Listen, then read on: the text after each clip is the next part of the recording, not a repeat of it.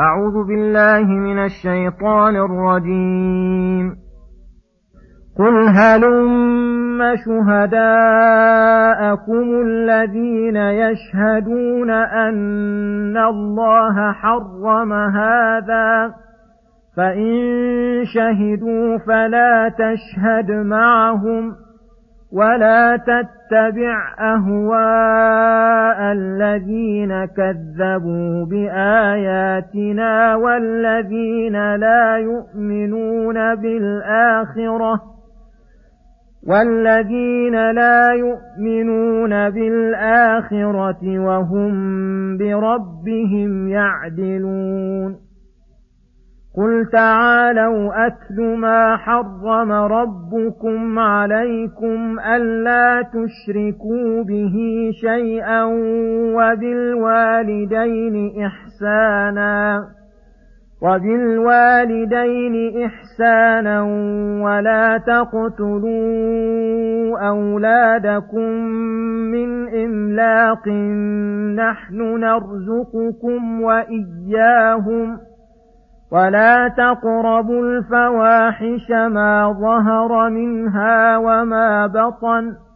ولا تقتلوا النفس التي حرم الله الا بالحق ذلكم وصاكم به لعلكم تعقلون ولا تقربوا مال اليتيم إلا بالتي هي أحسن حتى يبلغ أشده وأوفوا الكيل والميزان بالقسط لا نكلف نفسا إلا وسعها وإذا قلتم فاعدلوا ولو كان ذا قربى وبعهد الله أوفوا ذلكم وصاكم به لعلكم تذكرون وأن هذا صراطي مستقيما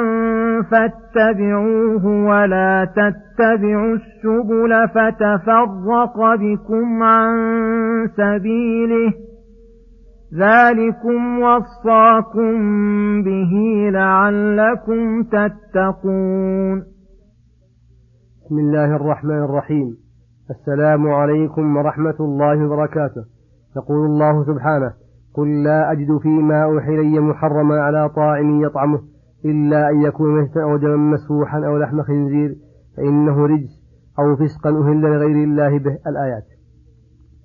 لما ذكر تعالى ذم المشركين على ما حرم من حلال ونسبوه إلى الله وأبطل قولهم أمر تعالى رسوله أن يبين للناس ما حرمه الله عليهم ليعلموا أن ما عدا ذلك حلال من نسب تحريمه إلى الله فهو كاذب مبطل لأن التحريم لا يكون إلا من عند الله. على لسان رسوله فقد قال رسوله قل لا أجد فيما أوحي إلي محرما على طاعم يطعمه. أي محرما أكله بقطع النظر عن تحريم انتفاع بغير الأكل وعدمه إلا أن يكون ميتة والميتة ما مات بغير زكاة شرعية. فإن ذلك لا يحل كما قال تعالى حرمت عليكم الميتة والدم ولحم خنزير. أو دم مسفوحا هو الدم الذي يخرج من الذبيحة عند زكاتها. فإنه الدم الذي يضر احتباسه في البدن فإذا خرج من البدن زال الضرر بأكل اللحم. مفهوم هذا اللفظ؟ أن الدم الذي يبقى في العروق يبقى في اللحم العروق بعد الذبح أنه حلال طاهر. أو لحم خنزير فإنه رجس. أي فإن هذه الأشياء الثلاثة رجس أي خبث أي خبث نجس مضر.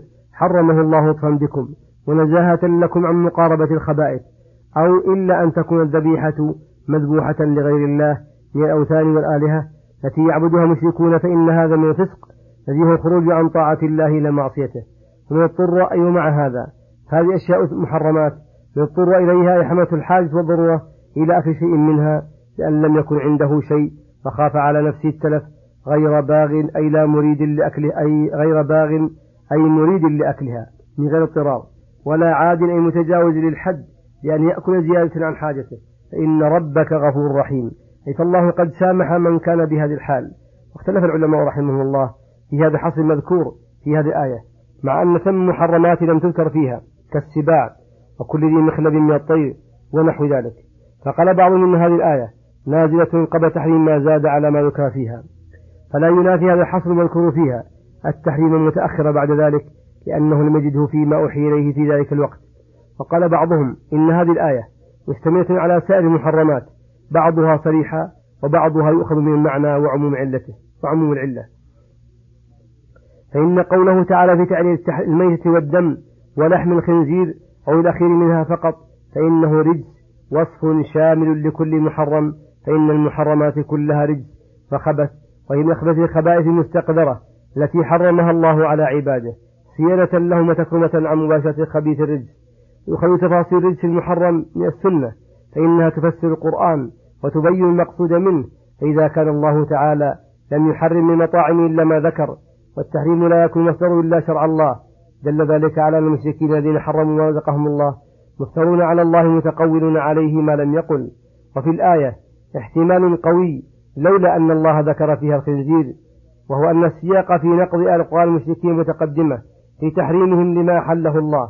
وخوضهم بذلك بحسب ما سوت لهم أنفسهم وذلك في بهيمة الأنعام خاصة ليس منها محرم إلا ما ذكر في الآية الميتة منها وما أهل لغير الله به وما سوى ذلك فحلال ولعل مناسبة ذكر الخنزير هنا على هذا احتمال أن بعض الجهال قد يدخلوا في بهيمة الأنعام وأنه نوع من أنواع الغنم كما قد يتوهمه الجهلة النصارى وأشباههم فينمونها كما ينمون المواشي ويستحلونها ولا يفرقون بينه وبين العام.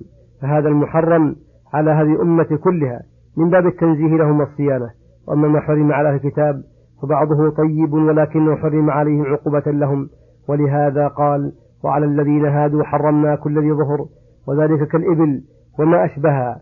ومن البقر والغنم حرمنا عليهم بعض أجزائها وهو شحومه شحومهما.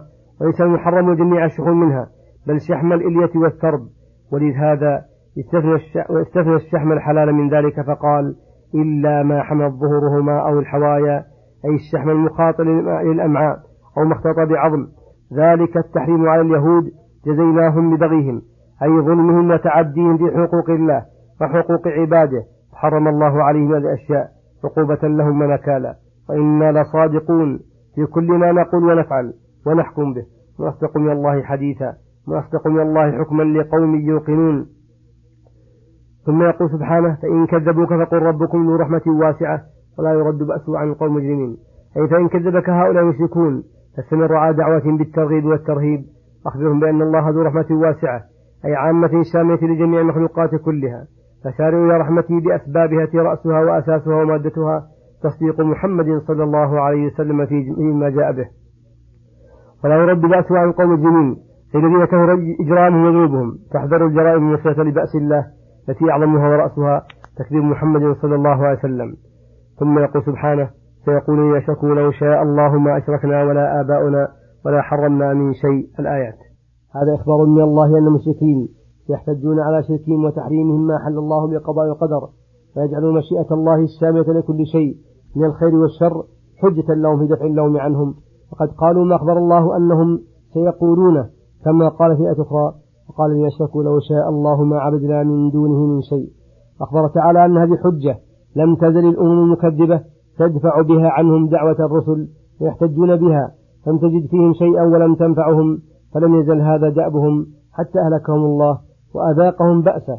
فلو كانت حجة صحيحة لدفعت عنهم العقاب ولما حل الله بهم العذاب لأنه لا يحل بأسه إلا بما يستحقه فعلم أنها حجة فاسدة وشبهة كاسدة من عدة أوجه. منها ما ذكر الله من أنها لو كانت صحيحة لم تحل بهم عقوبة منها أن الحجة لا بد أن تكون حجة مستندة إلى العلم والبرهان. فأما إذا كانت مستندة إلى مجرد الظن والخرص الذي لا من الحق شيئا فإنها باطلة. ولهذا قال قل هل عندكم من علم فتخرجوه لنا؟ فلو كان لهم علم وهم خصوم الداء لأخرجوه. فلما لم يخرجوه علم أنه لا علم عندهم. إن تتبعون إلا الظن وإن أنتم إلا تخرصون. ومن بنى حجة على الخرص والظن فهو مبطل خاسر. فكيف إذا بناها على البغي والعناد والشر والفساد؟ ومنها أن لله الحجة البالغة التي لم تبق لأحد عذرا التي اتفقت عليها الأنبياء والمرسلون. وكتب الإلهية آثار النبوية والعقول الصحيحة والفطر المستقيمة والأخلاق القويمة. فعلم بذلك أن كل ما خالف هذه القاطعة باطل لأن نقيض الحق لا يكون إلا باطلا. منها أن الله تعالى أعطى كل مخلوق قدرة وإرادة يتمكن بها من فعل ما كلف به. فما أوجب الله على أحد ما لا يقدر على فعله ولا حرم على أحد ما لا يتمكن من تركه. احتجاج بعد هذا بقضاء القدر ظلم محض وعناد صرف. منها أن الله تعالى لم يجبر العباد على أفعالهم بل جعل أفعالهم تبعا لاختيارهم. فإن شاءوا فعلوا وإن شاءوا كفوا. وهذا أمر مشاهد لم ينكره إلا من كابر وأنكر المحسوسات. فإن كل أحد يفرق بين الحركة الاختيارية والحركة القسرية وإن كان الجميع داخلا في مشيئة الله مندرجا تحت إرادته ومنها أن المحتجين على المعاصي بالقضاء والقدر يتناقضون في ذلك فإنهم لا يمكن من يطردوا ذلك بل لو أساء إليهم مسيء بضرب أو خدمة أو نحو ذلك واحتج بالقضاء والقدر لما قبل منه ذلك احتجاج. فلغضب من ذلك أشد غضب. فيا عجبا كيف يحتجون به على معاصي الله ومساخطه ولا يرضون من أحد أن يحتج به في مقابلة مساخطهم. ومنها أن احتجاجهم بالقضاء والقدر ليس مقصودا ويعلمون أنه ليس بحجة. إنما المقصود منه دفع الحق ويرون أن الحق من منزلة الصائل هم يدفعونه بكل ما يخطر ببالهم من الكلام المصيب عندهم المخطئ وصلى الله وسلم على نبينا محمد وعلى آله وصحبه أجمعين. الحلقة القادمة غدا إن شاء الله. السلام عليكم ورحمة الله وبركاته.